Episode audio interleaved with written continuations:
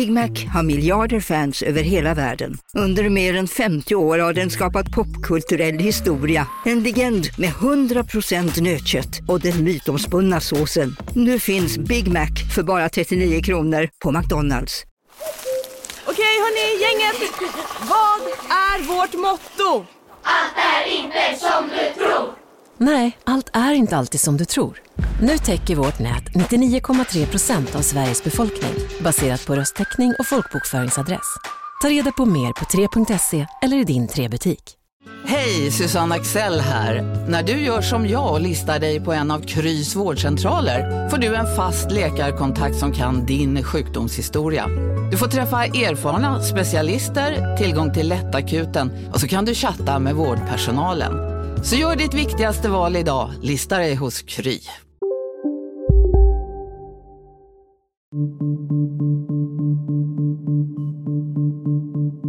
Den här regeringen borde aldrig ha tillträtt. Nu ska den avgå. Jag kommer att verka med lugn som statsminister. Hur tänker du byta regering?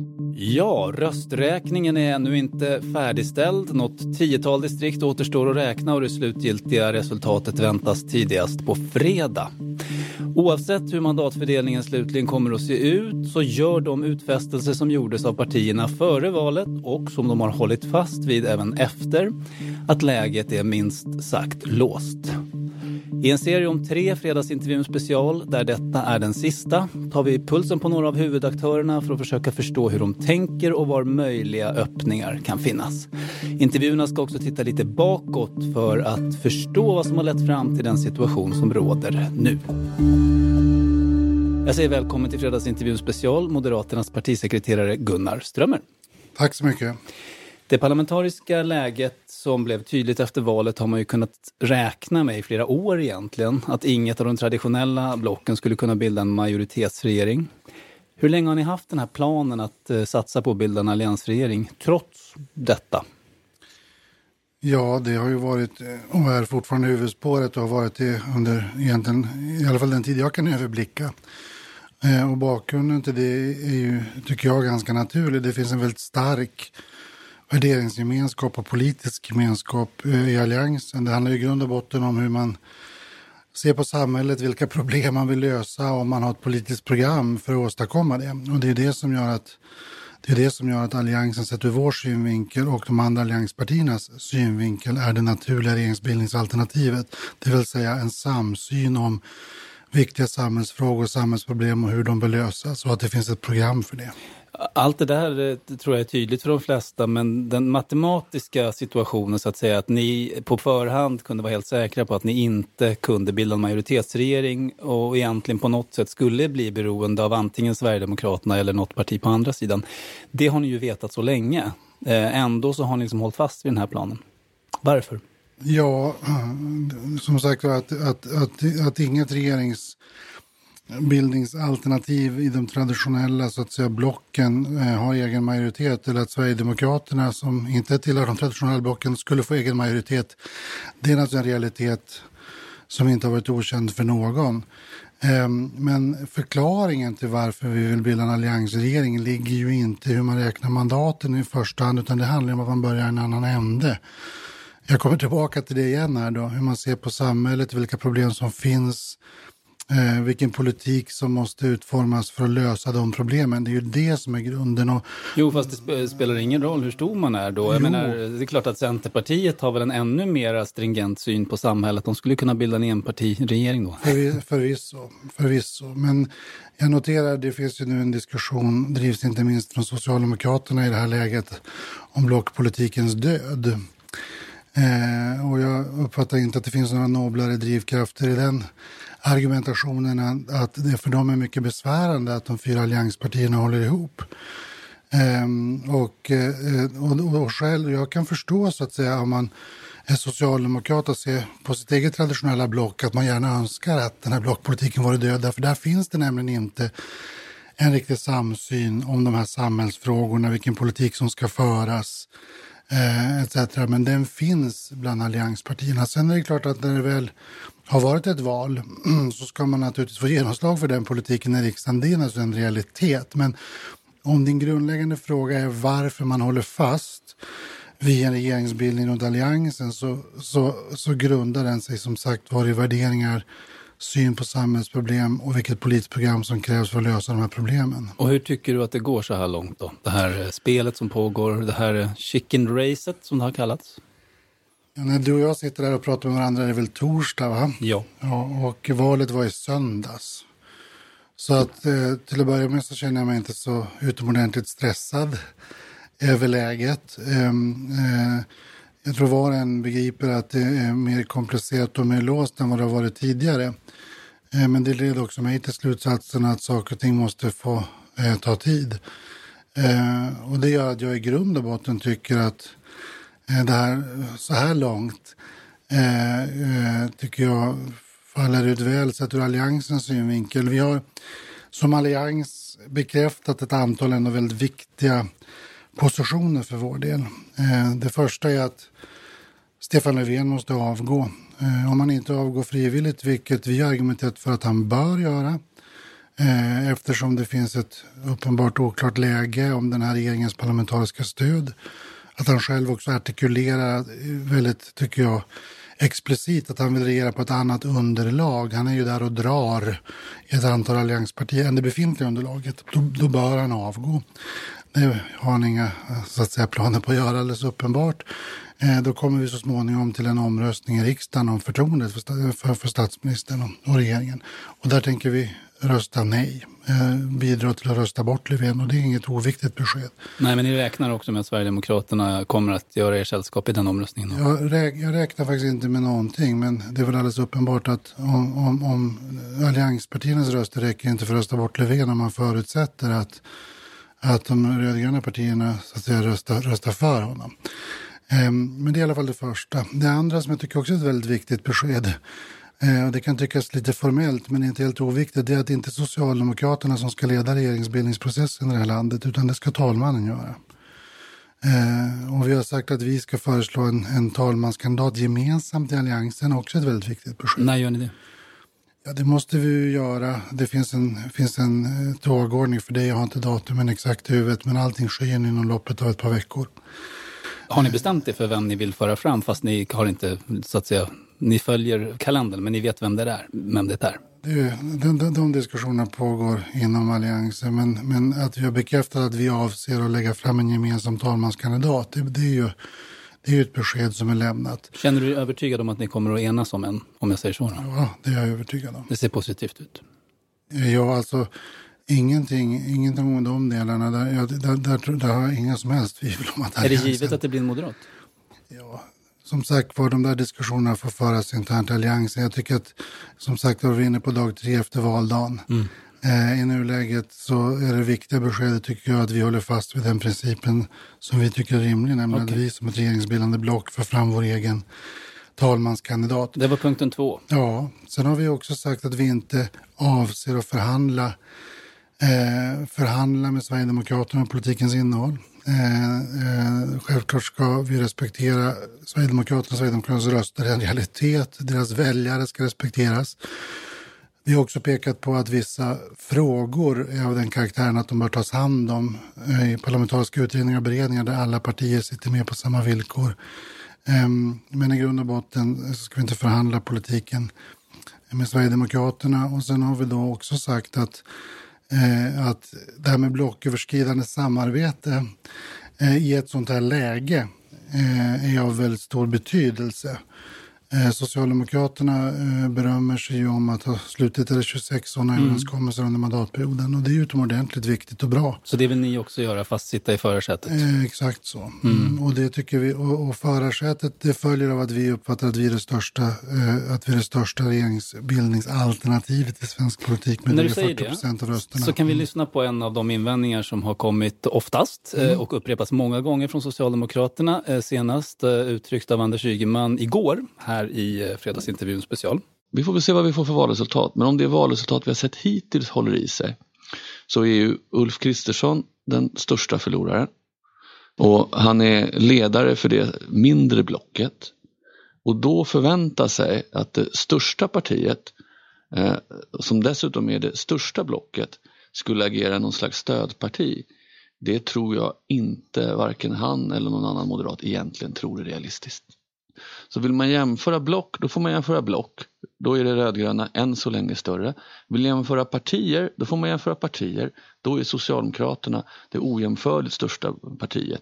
Ja, Gunnar Ström, men ligger det inte någonting i vad han säger? Antingen jämför man block och då ingår Vänsterpartiet i det rödgröna och är därmed större än ert. Eller så jämför man parti och då är Socialdemokraterna också större än vad Moderaterna är. Mm. Men jag tror att du kommer säga ordet regeringsalternativ nu. Ja, jag kan väl få börja en annan ände då för att överraska dig lite som det heter. Till att börja med så är det självklara, vi får se då hur det här landar till slut. Det är ju inte riktigt klart i nuläget och jag vet inte om en förskjutning av ett mandat hit eller dit kommer att omkullkasta Ygemans hela världsbild på det sätt som han antyder i sitt svar. Jag är inte alldeles säker på detta. Två mandat skulle kanske behövas för att omkullkasta hans världsbild då, så att ni har övervikten. Ja, nu är det 144-143. Det är klart om vi tar ett från de rödgröna då har de 143 och vi har 144. Ja, så, så det blir i praktiken två ja. Mm. Ja, det, Skillnaden blir två. Ja, det, mm. Men det räcker med att ett mandat flyttar på sig. Så att mm. säga. Nåväl, jag är inte helt säker på att om det skulle ske att Ygeman kommer låta helt annorlunda efter det. Så att säga. Så här, så här eh, ser, ser jag på saken.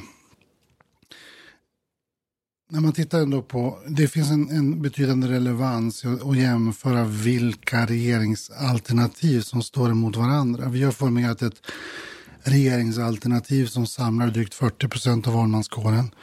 Vi vet ännu inte vad Socialdemokraterna har för alternativ. De drömmer uppenbarligen om ett alternativ som innefattar ett eller ett par borgerliga partier. I alla fall är det så man måste förstå vad de säger. Men allianspartierna säger att de inte är intresserade av den lösningen. Då är frågan vad återstår då eh, för Socialdemokraternas del? I nuläget så vet det enda vi vet med stor säkerhet är att Socialdemokraterna vill regera. Men vilket alternativ och hur många mandat som det så att jag representerar, det vet vi alltså inte. Och i det läget så tycker jag att det är mycket naturligt att utgå från det vi vet, nämligen ett regeringsalternativ som samlar 40 procent av väljarkåren och, och mandat som motsvarar den delen. Det är det ena. Den andra delen i resonemanget, man får ju någon slags legitimitetsresonemang om storlek och vill jämföra förluster. Om jag då får bredda det perspektivet något så har man ändå konstaterat att Socialdemokraterna gör sitt sämsta val sedan den allmänna rösträttens införande. Jag förstår att de är lite att de är lite uppmuntrade över att det inte blev en total implodering, vilket, vilket vi dessvärre, sett ur deras synvinkel, ser på många håll ute i landet. Traditionella socialdemokratiska fästen, både städer och regioner där Socialdemokraterna imploderar. Jag förstår att sett ur det perspektivet så så kan de känna sig lättade med resultatet. Men vi kommer inte ifrån det faktum att det här är det sämsta resultatet sedan den allmänna rösträtten infördes. För vår del så gör vi naturligtvis, vi, vi backar i det här valet. Eh, och det är klart att vi hade önskat ett högre valresultat. Men vi ligger med marginal över vårt historiska snitt. Eh, alliansen som helhet växer. Jag skulle säga att den i valrörelsen så tappade vi, om man får säga så, några procentenheter till Kristdemokraterna. Eh, och det är klart att om man är moderat partisekreterare vill man förstås framförallt samla, samla röster om, om mandat i sitt eget parti. Men eh, man kan nog ändå säga att som, som alliansledare har ju Kristersson varit utomordentligt framgångsrik därför att Därför att alla fyra, alla fyra allianspartier är med oss in i nästa mandatperiod, dessutom med god marginal. Och alliansen som helhet växer i det här valet. Medan inte bara Socialdemokraterna tappar, utan det gör Miljöpartiet också. Medan så deras regeringsalternativ krymper alltså. Så från legitimitetssynpunkt så har jag också mycket starka invändningar mot Ygemans resonemang. Mm. Uh...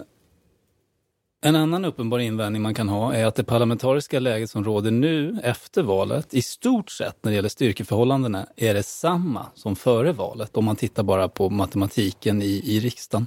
Så om det här är självklart nu, att ni så att säga ska formera en allians och regera, varför var det inte självklart för ett halvår sedan, för ett år sedan?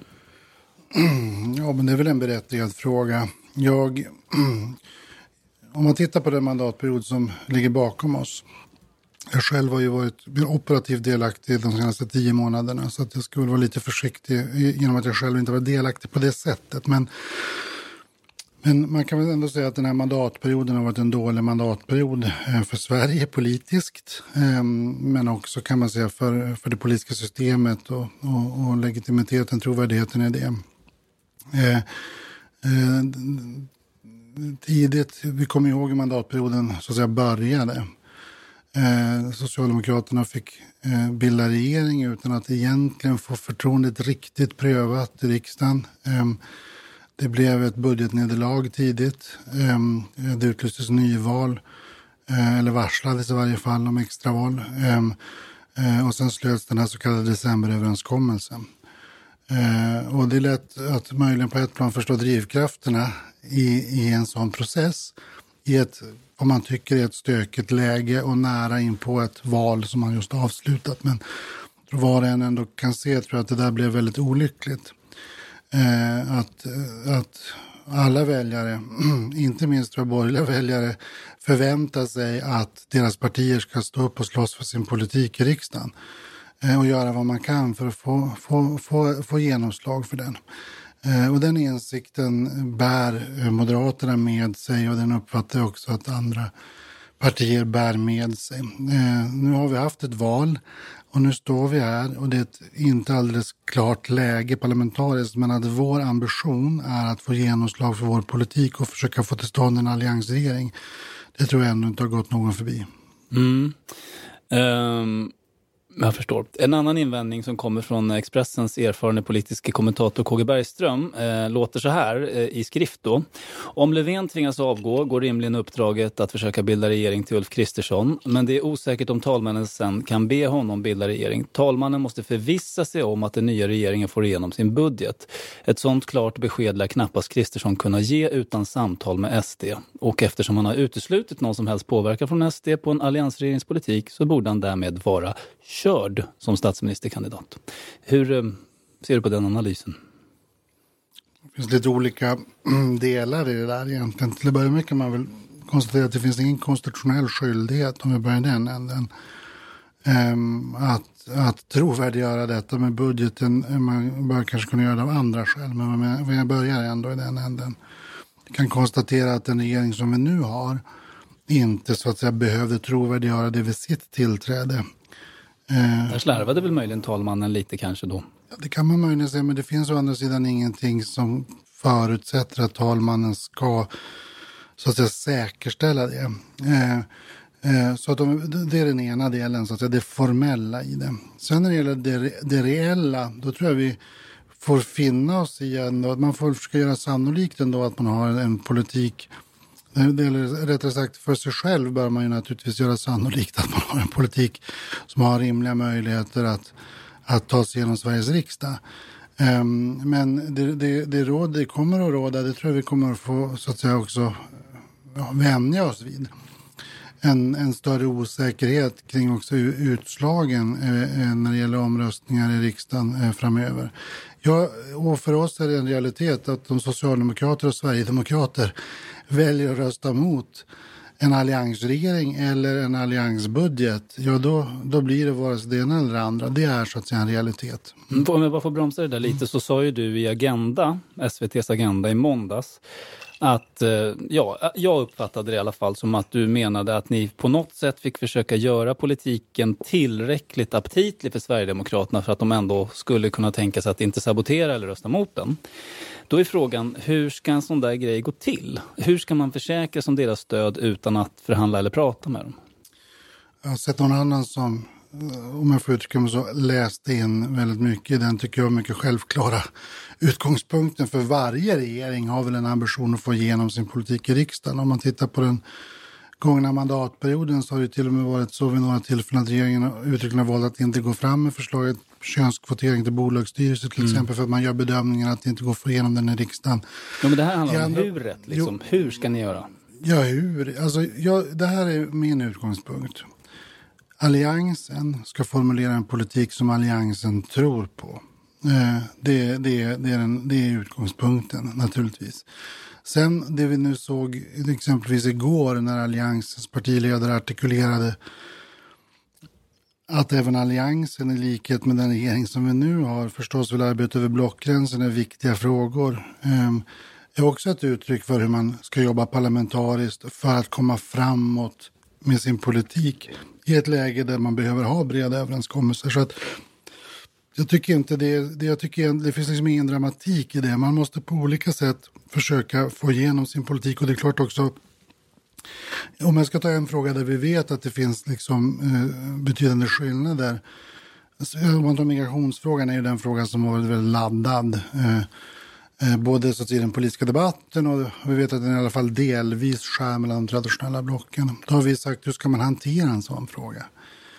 Ja, då har vi pekat på det ganska etablerade eh, format, alltså parlamentarisk utredning, alltså ett, ett sätt att föra tillbaka frågan till en riksdagsprocess egentligen. Mm. Där, alla, där alla partier, och då, det, då är ju det ett sätt att förankra politiken så att säga i riksdagen. Det där förstår jag, men ja. jag tänker mer budgeten. Alltså för det kommer ju bli do or die för ja. en sån här regering och då tänker jag att om man ska försäkra sig om att Sverigedemokraterna inte saboterar mm. för er, för att de känner att ingen har lyssnat på dem och de inte får något inflytande, mm. då måste man ju på något sätt se till att den budgeten är tillräckligt aptitlig för dem för att ändå inte sabotera. Och hur ska det gå till? Det är liksom min fråga. Vi ska ta fram en budget som vi, som vi anser är rätt för Sverige. Det, det är vår utgångspunkt. Och så kommer det finnas olika alternativ att ta ställning till. Och är det, är det naturligtvis så att man tycker att Socialdemokraternas alternativ är mer aptitligt då kommer man, om man tror att det är rätt kurs för Sverige. Men det då... behöver inte vara skälet till att de röstar på deras budget, Nej. utan skälet kan vara att de känner inför sina väljare mm. att de har inte fått någonting. Mm. Och då, då gör de som de gjorde eh, i december 2014. Mm. Men jag, jag kan faktiskt inte spekulera riktigt om de drivkrafterna. Eh, eller, eller motiven. Mm. Jag, jag redogör för mina utgångspunkter. Och ni är beredda att ta den risken då, tolkar ja, det som? Mina, min utgångspunkt är att vi ska lägga fram en budget som vi bedömer är rätt för Sverige. Rätt i förhållande till att människor ska få mer, eh, ska få mer över i, i plånboken när man arbetar, angripa det stora utanförskapet på arbetsmarknaden, eh, rejält med resurser till eh, polis och försvar. Där står vi och det är det som vi ska lägga fram i vår budget. Det är den politiken som måste få stöd i riksdagen. Mm. Jag tror jag förstår hur ni tänker och hur ni resonerar. Däremot som vanlig väljare och medborgare kan det nog vara svårt. För var och en som står bredvid så känns det rätt uppenbart att den här idén ni har om att bilda en alliansregering är svår genomförd om ni inte på något sätt involverar Sverigedemokraterna. Och det har ni å andra sidan bundit upp er väldigt hårt för att inte göra. Eh, finns en plan B? Ja, just nu befinner vi oss under alla omständigheter i A-spåret. Okay. Eh, eh, vi tänker inte i de termerna heller. Eh, nu, det är som sagt var, vi sitter här, det är torsdag, det var val i söndags. Mm. Rösterna är inte färdigräknade. Vi har gått till val tillsammans med de andra allianspartierna. Vi har efter valet berättat hur vi ser på nyckelfrågor i den process som ligger framför oss. Och vi tänker slåss för att få till stånd en alliansregering. Där är vi och där har vi fullt fokus. Vilket är då för dig personligen eller för ditt parti det starkaste argumentet mot att ta stöd av Sverigedemokraterna i riksdagen på samma sätt som Löfvens regering har tagit stöd av Vänsterpartiet? Ja, alltså i grund och botten så eh, handlar det om att, att få ihop en allians och ett politiskt program som alliansen kan stå bakom. Men jag tänker att du ska ja. tänka bort Centern och Folkpartiet nu, eller Liberalerna, och tänka va, varför är det svårt för dig ändå och för Moderaterna ändå mm. att gå den vägen? Jag kan inte tänka bort det sammanhang som jag finns i, så okay. att säga, utan det är det sammanhang jag finns i och det är det sammanhanget jag verkar. Om din fråga är varför Sverigedemokraterna, eh, varför man inte rusar åstad och lutar sig mot Sverigedemokraterna när det gäller en regeringsbildning. Mm, inte så, nödvändigtvis regeringsbildning, nej, men, men parlamentariskt underlag. Ja, ja. Mm.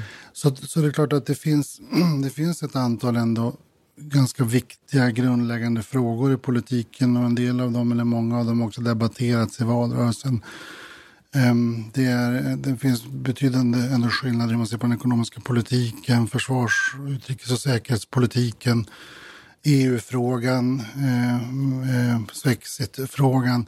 Det finns ett antal tycker, politiska skäl till varför det är naturligt för oss mm. att samverka i allians och försöka få till stånd en alliansregering så att säga, baserat på det program som är gemensamt för oss. Ja, jag förstår. Men om, du, om jag får bromsa dig lite där och titta på Vänsterpartiet som också vill att Sverige ska lämna EU mm. så kan vem som helst se att det finns inga förutsättningar för det. De driver det inte. Mm. Är det inte väldigt sannolikt att Sverigedemokraterna varken varken skulle driva frågan om att träda ut ur EU eller för den delen att sabotera ett eh, kommande NATO-medlemskap. Där har de ju till och med för övrigt halvöppnat på mm. något sätt. Så det, det, är lite sån här, eh, i den praktiska politiken, hur viktiga är de där invändningarna? Men jag tror det, är en väldigt viktig, det är väldigt viktigt att förstå det för det avgör, det avgör våra grundläggande utgångspunkter. Det kastar ett ljus över några av dina inledande frågor. Hur länge har ni tänkt på allians och varför allians? Eh, det, det, det, där har du så att säga viktiga delar av de, av de svaren. Mm. Um, Likväl, om man lägger Moderaternas och Sverigedemokraternas politiska prioriteringar bredvid varann och tittar på vad ni är överens om, särskilt när det gäller de frågor som då väljarna tycker är viktigast, så är det ju påfallande faktiskt hur stora överensstämmelser det ändå är på många punkter. Inte minst när det gäller lag och ordning och migration, men också faktiskt vad det gäller skattepolitik, så är ni relativt överens. Så varför fiskar ni då hos Socialdemokraterna? Ja, men så här, om det, vi har inget problem med att andra partier röstar för vår politik. Mm om man tycker, om, om man tycker att vår politik är riktig och rätt. Och det är naturligtvis också en realitet om man kollar på, om vi, om vi, om vi tittar på den gångna mandatperioden så är det naturligtvis så att en hel del, de, har, de tillkännagivanden som har kommit till stånd i riksdagen, då har det, de har kommit till stånd i regel genom att allianspartier och sverigedemokrater har röstat på samma sätt. På samma sätt som när det har varit blockskiljande voteringar i riksdagen.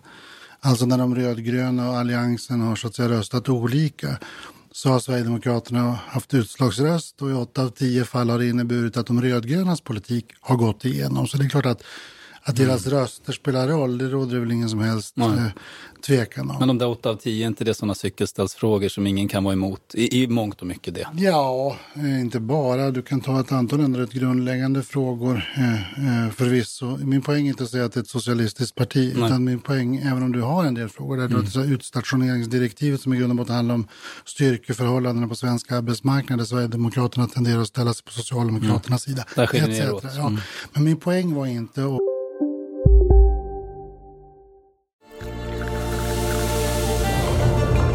Välkommen till Maccafé på utvalda McDonalds restauranger med Baristakaffe till rimligt pris. Vad sägs om en latte eller cappuccino för bara 35 kronor? Alltid gjorda av våra utbildade baristor.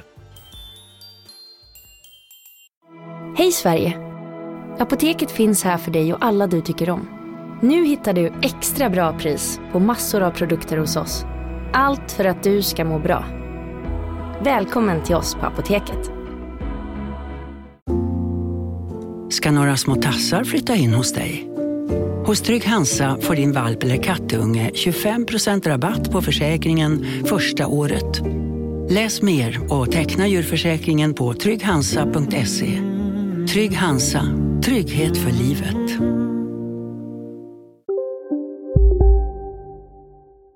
Och påstå att Sverigedemokraterna är ett socialistiskt parti. Min poäng var i grund och botten att säga att, att man måste kunna tänka flera saker samtidigt här. Att vi nu vänder oss till Socialdemokraterna och säger att det kommer att krävas blocköverskridande överenskommelser i ett antal för landet stora viktiga frågor. Eh, är en, det, är, det är en viktig del i det. En annan del är förstås att man kommer lägga fram en politik i riksdagen som inte är förförhandlad på det sättet. Eh, och lägga den på riksdagens bord. Och det är klart att där välkomnar man de röster man får för att få igenom den politiken. Många av dem eh, som följer det här, politiska kommentatorer inte minst, som har varit med länge, tycks se att eh, i änden av den här resan ändå bara finns ett slut och det är att C och L hoppar över blockgränsen och alliansen spricker. Vad talar emot det? Ja, vad, jag skulle då säga att det är flera saker som talar emot det. Eh, en sån sak, eh, och då är vi tillbaka där vi började i grund och botten. Att det finns en värderingsgemenskap mellan allianspartierna. Det finns över det liberalkonservativa spektrat. Man kan säga att det, det är det grundackord som finns i Moderaterna. Eh, vi har både och i mm. oss. De andra partierna kan man placera ut lite mer traditionellt, kanske liberalt och konservativt. Men det finns en värderingsgemenskap.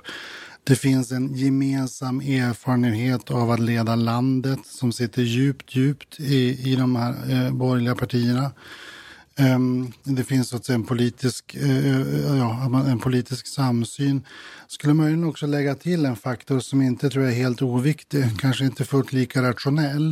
Det finns också en gemensam erfarenhet av Socialdemokraterna som inte är rakt igenom positiv. Mm, du uh, tänker på Centerns tidigare samarbete med, med Socialdemokraterna, eller vad? Ja, jag tänker nog närmast på att var en, jag tycker nog, man kan naturligtvis, om man tar gårdagen igen då, eh, när då först Alliansen redogör för sin syn på hur den här processen ska gå till och också säger att vi är beredda att träffa blocköverskridande överenskommelser med Socialdemokraterna eh, om vi får regera landet på samma sätt som S har slutit sådana överenskommelser med, med Alliansens partier, antingen alla eller, eller, eller några eh, vid olika tillfällen.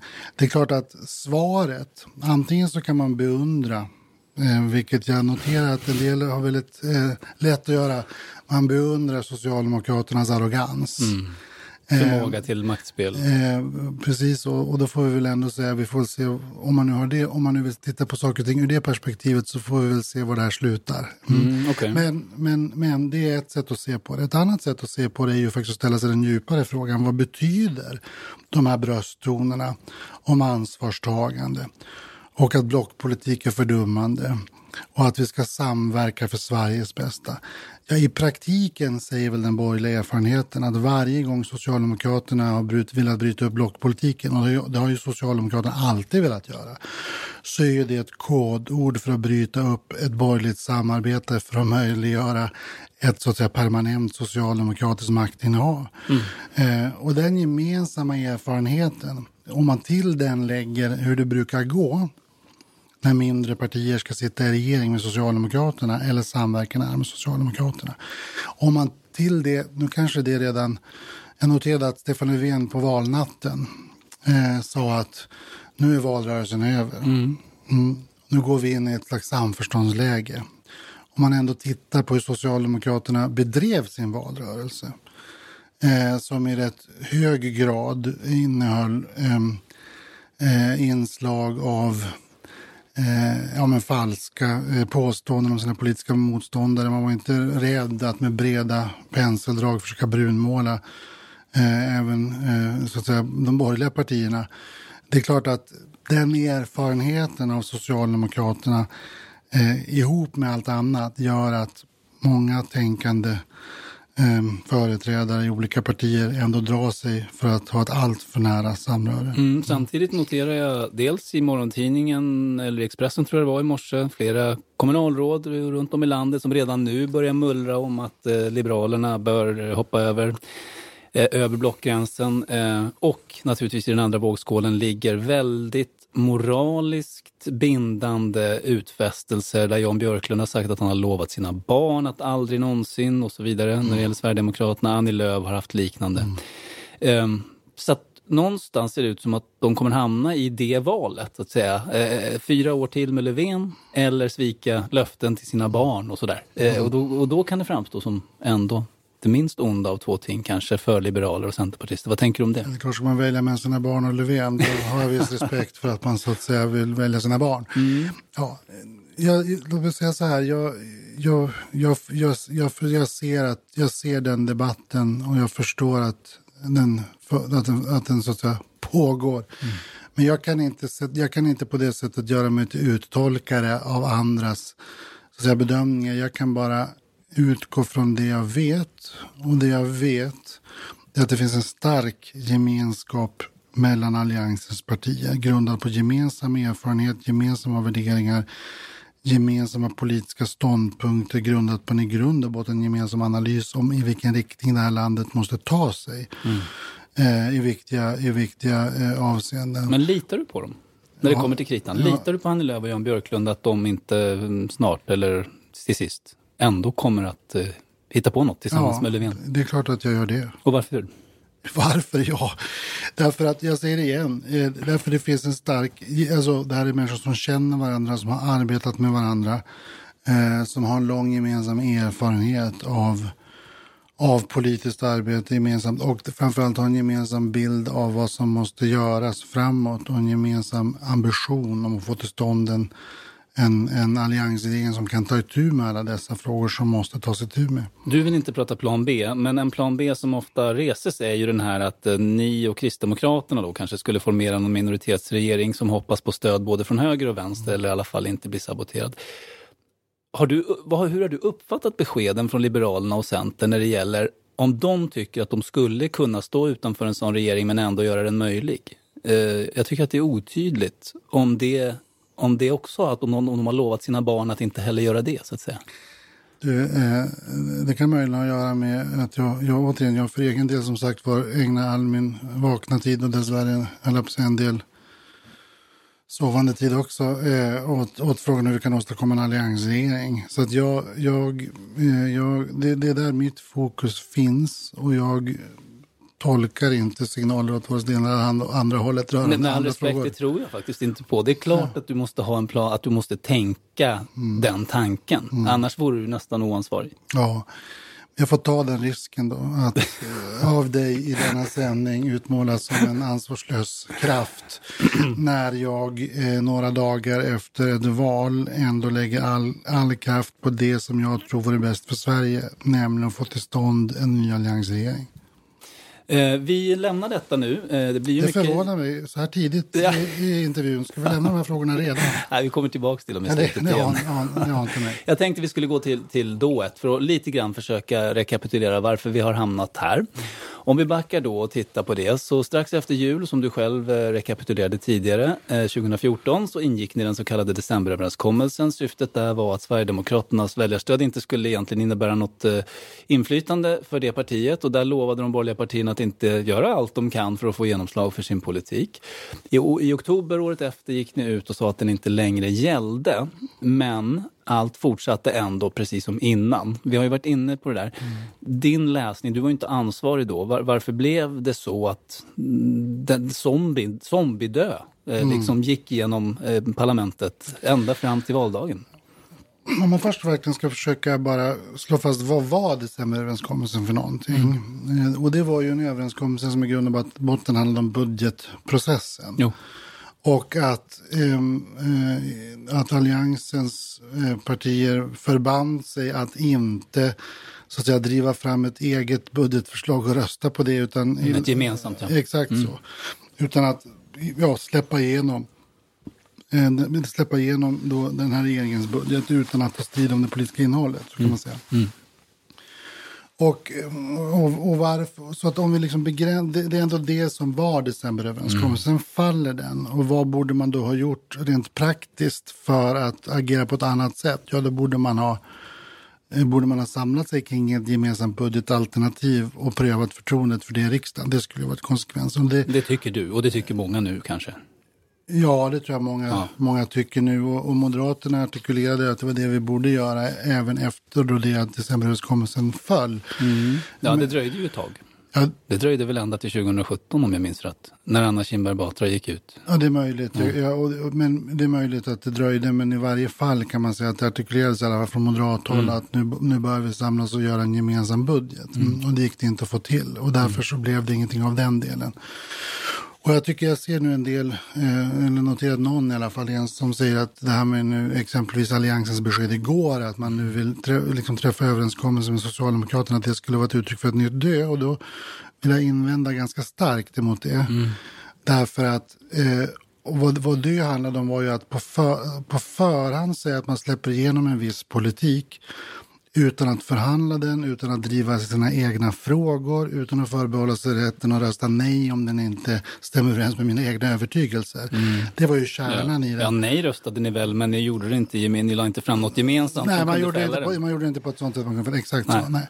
Och då, då tycker jag att det, det vi nu pratar om, eh, det, är ju, det är ju det vi pratade om igår, det här med blocköverskridande överenskommelser, det är ju någonting annat. För det Mm. handlar ju om att sätta sig ner, diskutera politikens innehåll, komma överens om man kan komma överens. Men förhandla också. Och förhandla, så Mm. att det är liksom två olika saker. Nå, men jag tror i alla fall att decemberöverenskommelsen var djupt skadlig. Eh, Både för svensk politik i stort, Eh, därför att eh, jag förstår den känslan eh, och delar den faktiskt själv. Om man upplever att man så att säga manipulerar de grundläggande spelreglerna. Jag skulle säga så här, det finns ingen som helst demokratisk förpliktelse att förhandla med partier man inte vill förhandla med. Men man kan ändå notera att under liksom, jag höll på att säga hela efterkrigstiden så har Moderaterna haft 20 procent i riksdagen men men inte precis fått genomslag i för, förhållande till sin, mm. sin andel i väljarkåren. Så, att säga. så det finns ingen demokrati, det, det mm. har man ju Sverigedemokrater artikulerat hela tiden, vi måste ha genomslag, mm. vi måste få förhandla. Ja, men det, det, kan man tycka, men det finns ingen demokratisk förpliktelse eller demokratisk rätt för den delen heller eh, att få det. Däremot så tycker jag att det är en demokratisk förpliktelse att inte så att säga ändra spelreglerna i riksdagen för att, mm. Eh, för att, så att säga, i efterhand försöka ändra spelreglerna. Även om det är en överenskommelse man har rätt att ingå överenskommelser så finns det en gräns. Den tycker mm. jag passerades. Och det var det som skedde där. Okej, vi kastar oss framåt i mm. handlingen då till det som jag beskrev då. Ett och ett halvt år efter att Dö hade fallit, den 19 januari 2017, kom Moderaterna med beskedet att ni tyckte att Alliansen skulle eh, aktivera högermajoriteten i riksdagen genom att lägga fram en gemensam alliansbudget och samtidigt öppnade ni då för att förhandla med Sverigedemokraterna i riksdagen. Vi kan lyssna på hur det lät den dagen då Anna Kinberg Batra, dåvarande partiledare, eh, kom med det här beskedet. Jag vill inte inleda regeringssamarbete eller budgetförhandlingar i regeringsställning med Sverigedemokraterna. Däremot behandlas ju regeringens förslag, sittande regerings i det här fallet då, i Sveriges riksdag där vi hittills har avstått från möjligheter att påverka i rätt riktning, tycker jag. Nu är det förslag fram om till exempel kraftiga skattehöjningar på jobb och tillväxt som vi skulle kunna stoppa med gemensamt alliansagerande. Och det här är en diskussion som vi måste föra där det finns olika uppfattningar nu, men det här är Moderaternas uppfattning att det behöver göras eftersom konsekvenserna är för skadliga. Anna Kinberg Batra från januari 2017. Ehm, du var ju inte ansvarig då. Ehm, hur gick dina tankar när du såg det där lite grann från sidan? Ehm, eller du kanske var involverad ändå på något sätt? Nej, jag var inte involverad. Nej. Men ja, jag tror att en, en, en, ett problem, och det kommer Moderaterna också lida av. Jag tror faktiskt vi har lidit både av decemberöverenskommelsen och lite av det beskedet som lämnades i januari eh, 2017 därför att det var lite oklart för omvärlden vad det egentligen var för slags besked. Vad innebar det för någonting? Um, och du kan säga att om du å ena sidan har väljare som uppfattar att det är demokratiskt provocerande att man måste väl åtminstone kunna prata med varandra, säger en del av mm. väljarkåren, också Moderaternas väljarkår. Och en annan del säger att, att om, man, om man börjar om man, om man hyser tvivel om eh, så att säga, vad man har sin grundläggande värderingsgemenskap och sin grundläggande ska vi säga, parlamentariska gemenskap så är det skäl för att känna misstro. Um, och det, det, det, upplevde ju Moderaterna. Man ska också komma ihåg att efter då januari så blev det ju ett ganska rejält opinionsras för Moderaterna. Mm. Uh, Hur mycket ni... kopplar du det till det där beskedet? För det, det var ju många kommentatorer som gjorde. Mm. Uh, Medan en del andra bedömare kanske menade att det var Anna Kinberg Batras oförmåga att förklara ställningstagandet mm. och att hon kanske inte heller verkade riktigt brinna för det själv mm. som var problemet. Jag vet mm. inte och jag vet inte om någon har undersökt det heller. Ja, det, låt mig säga så här, när vi ska eftervalsanalysera den här gången eh, så har vi ganska många frågor att analysera på djupet. Den här, det här tror jag är en sån sak, men jag tror att man måste sträcka ut egentligen analysen över nästan fyra eller åtta år möjligen för att kunna kasta riktigt ljus över över både svensk politik i stort och Moderaternas roll i, den, eh, i det. Jag tycker att vår, vår hållning eh, tycker jag eh, hänger ihop. Därför vi säger väldigt tydligt att vi inte ska förhandla eller samarbeta med Sverigedemokraterna. Eh, och samtidigt säger vi naturligtvis då som en konsekvens, inte minst tycker jag av decemberöverenskommelselogiken som i och för sig handlade om budgeten men upplevdes vara ett sätt att manipulera riks, liksom riksdagsarbetet och så att att, att, det, är klart att det är klart att riksdagsarbetet ska fungera som det är tänkt. Och då, tänker, då har vi ju nämnt som sagt de här utredningarna, parlamentariska utredningarna, beredningarna. Där ju, och det tycker jag också möjligen att den här offerkoftan som SD tillåts sätta, det sätter på sig och bland annat tillåts sätta på sig. Det är ju inte så att de är helt isolerade.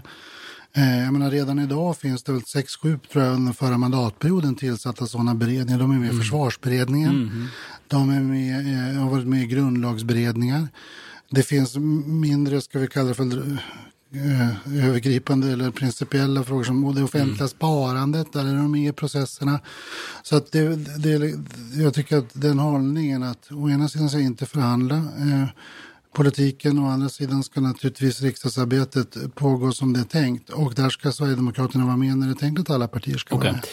När du och Ulf Kristersson tillträdde mm. så backade ni delvis från det här beskedet. Eh, han sa samma dag han valdes eh, ungefär så här, eller exakt så här.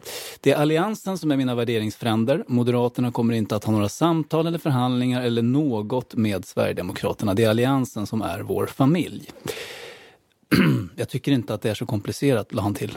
Det låter som att ni möjligen underskattade hur komplicerat det ändå var då, med tanke på var vi nu befinner oss det är möjligt. Jag tycker, det, det så här jag tycker man ska säga särskilt två perspektiv. Det ena är relationen är inte så komplicerad. Nej. Om man får uttrycka mig på det sättet. Mm. Eh, den är ganska rak och tydlig. Där började du din intervju och du, du nystar i den, den här alliansrelationen. Mm. Varför den är så stark, varför den är så viktig. Mm. Den frågan är okomplicerad. Mm. Sen betyder inte det att det parlamentariska arbetet är okomplicerat. Eh, jag menar, det är klart att Sverigedemokraterna har de mandat de har därför att väljarna har givit de mandaten. Och det är en, mm. alltså en realitet som har påverkat den gångna mandatperioden, ärligt talat påverkade mandatperioden före den och som mm. kommer att påverka den kommande mandatperioden. Eh, så att det tycker jag, det, det, det relationsmässiga är okomplicerat. Men inte det parlamentariska läget? Men det parlamentariska läget. läget är naturligtvis mer komplicerat och det känner ju alla regeringsbildningsalternativ mm. av. Därav de de olika turer vi nu ser och besked och, mm. och så. Mm. Nu ska jag komma till eh, en slags poäng med hela den här historiska mm. exposén. Mm. Jag vill pröva dig här. Mm. Min tanke är, ni rev liksom av plåstret 19 mm. januari 2017 gav ett besked inför valet i god tid. Sen satte ni på plåstret igen. Min fråga till dig är, var det ett misstag? För att ni tog ju med den här oklarheten hela vägen in i valrörelsen och, och den kvarstår kanske fortfarande i viss mån. Mm. Ja, jag tycker, som jag sa, så tycker jag inte... Alltså den, så här. Oklarhet tror jag är, det kan handla, jag tror du, det beror på från vilket håll du kommer här så att säga. Hur du ser på de här frågorna. Jag tycker våra besked är klara. Det vill säga vi tänker inte förhandla eller samarbeta med Sverigedemokraterna om politikens innehåll. Vi respekterar de spelregler som finns i riksdagen. Självklart ska Sverigedemokraterna behandlas med respekt och deras väljare också. Eh, det tycker jag är ett ganska rakt och enkelt besked. Sen, mm. sen, sen finns det naturligtvis, om jag får säga så, metafrågor i politiken. Mm. Eh, som både handlar om det parlamentariska men också tror jag handlar rätt mycket värderingsmässigt åt vilket håll man vill att Sverige ska föras och så. Det gör att det blir tillitsfrågor, ett övergripande tillitsfrågor här som ramar in den politiska debatten. Men i grund och botten så tycker jag att vi har hållit en rak och konsekvent linje eh, i detta. Mm. Spinnet från vänstern under mm. valrörelsen har ju varit att de kommer att göra upp med Sverigedemokraterna mm. men de vågar inte säga något till väljarna före valet mm. av rädsla för att skrämma bort väljare. Eh, och det är det jag menar. Mm. Den oklarheten tog ni ju trots allt med er in i valrörelsen och hade ni då valt vilket ben ni skulle stå på tydligt mm. så hade ju inte den diskussionen uppstått. Det tror jag i och för sig inte att du ska vara så säker på. eh, som det heter. Ja, men om ni skulle varit lika tydliga. Särskilt, ja. särskilt om man betänker på hur Socialdemokrater bedriver valrörelse så tror jag inte så att säga grundläggande faktamålet nödvändigtvis behöver vara helt avgörande för hur olika frågor så att säga spins eller drivs i valrörelser. Mm, jag upplever att ni är mycket tydligare kring eh, avståndstagandet gentemot Sverigedemokraterna nu efter valet än vad ni var innan. Som allians. Alltså, ja, det är möjligt att du gör det. Jag tycker vi säger, att vi säger samma saker i grund och botten. Nämligen att att regering, alltså regeringens politik ska inte förhandlas med Sverigedemokraterna. Det vet jag inte om du har hittat något stöd för någon annan linje före valet. En oklarhet åtminstone, eller en, en oförmåga att eh, få tyst på dem från vänstersidan som hävdade att de, ni kommer jo, att göra jo, upp med de Sverigedemokraterna. Förvisso, men jag, där, jag säger igen att du kanske möjligen överskattar omvärldens förmåga att få tyst på dem som gärna vill driva den tesen av det enkla skälet att det gynnar deras partipolitiska syften. Ja, det förstår jag. Eh, så att jag, jag, jag konstaterar att nu sitter vi här återigen några dagar efter valet. Mm. Eh, vi har samlat ett rejält väljarstöd för alliansen. Det är det största regeringsbildande alternativet i svensk politik. De parlamentariska realiteterna är parlamentariska realiteter. Vi har sagt samma sak nu som vi sa före valet. Med möjligen, eh, med, och, preciserat möjligen en del av de sakerna. Men ingenting av det som Alliansen sagt efter valet var ju inte sagt före valet. Mm. Utan eh, det är bara, allt vi säger nu är så att en konsekvens av det vi sa före valet. Eh, vi har kommit till sista frågan, helt Mm. enkelt. När har Sverige en ny regering? Ja, det återstår att se som det heter. Eh, men eh, min, min bedömning är ändå att vårt, vårt, så att säga, ja, vårt konstitutionella system så att säga, ändå, det, är, det är ganska robust. Nu har vi ett par veckor med lite limboläge innan det här systemet sätts i rörelse. När det egentligen bara, om jag får uttrycka mig så, blir politik och positionering.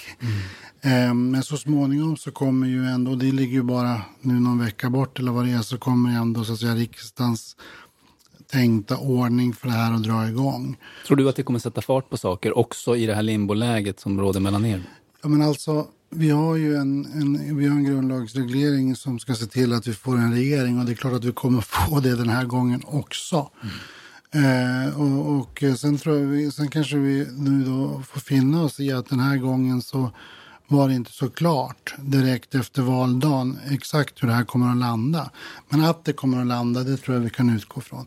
Det är inte heller första gången i, i, i modern historia som Sverige har ett oklart parlamentariskt läge. Med lotteririksdagen 73, eh, utlandsröster avgjorde väl på marginalen 79. Alltså, det har hänt förut och det brukar landa i en regering. Det kommer det göra den här gången också och jag tror att det kommer att bli före snarare än senare. Hur stor roll spelar det för dig om ni får det där mandatöverläget som skulle kunna bli en följd av rösträkningen? Man kan svara på den frågan också tror jag från åtminstone ett par olika håll.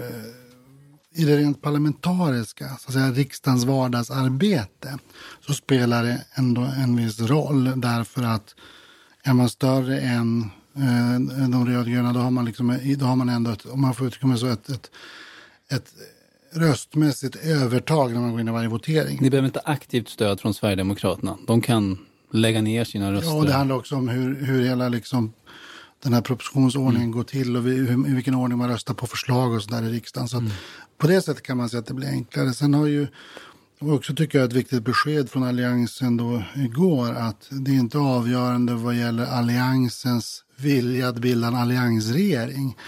Eh, man kan säga att det blir ännu något mer komplicerat men ambitionen att bilda en alliansregering den kvarstår oaktat hur det där sista mandatet fördelas på marginalen. Och om Löfven skulle formera ett alternativ som innefattar Vänsterpartiet, Miljöpartiet och, och Socialdemokraterna, då skulle ju de ha ett större regeringsalternativ än Alliansen. Skulle det förändra någonting i hur du ser på, på de här sakerna? Eh, I grund och botten inte.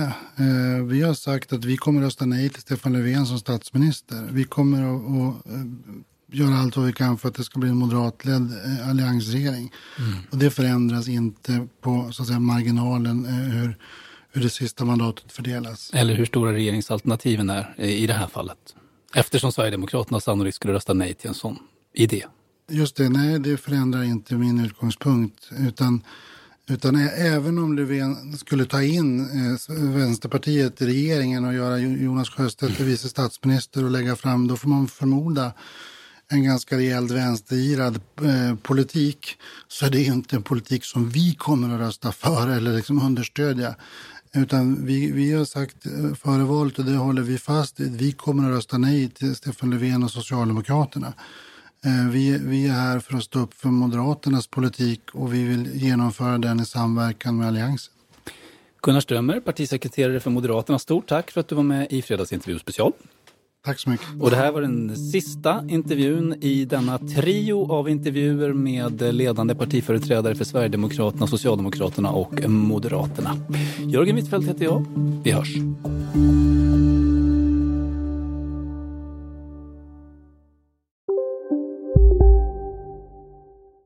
Redo för sportlovets bästa deal? Ta med familjen och njut av en Big Mac, McFeast eller Cooper Cheese och Company plus en valfri Happy Meal för bara 100 kronor. Happy Sportlovs deal, bara på McDonalds. Hej, Synoptik här. Livet med glasögon ska vara bekymmersfritt. Därför får du 30% på alla glasögon när du väljer Synoptik All Inclusive. All service ingår alltid. Välkommen till Synoptik. Som medlem hos Circle K är livet längs vägen extra bra. Just nu får du som ansluter dig 50 öre rabatt per liter på de tre första tankningarna och halva priset på en valfri biltvätt. Och ju mer du tankar, desto bättre rabatter får du. Välkommen till Circle K.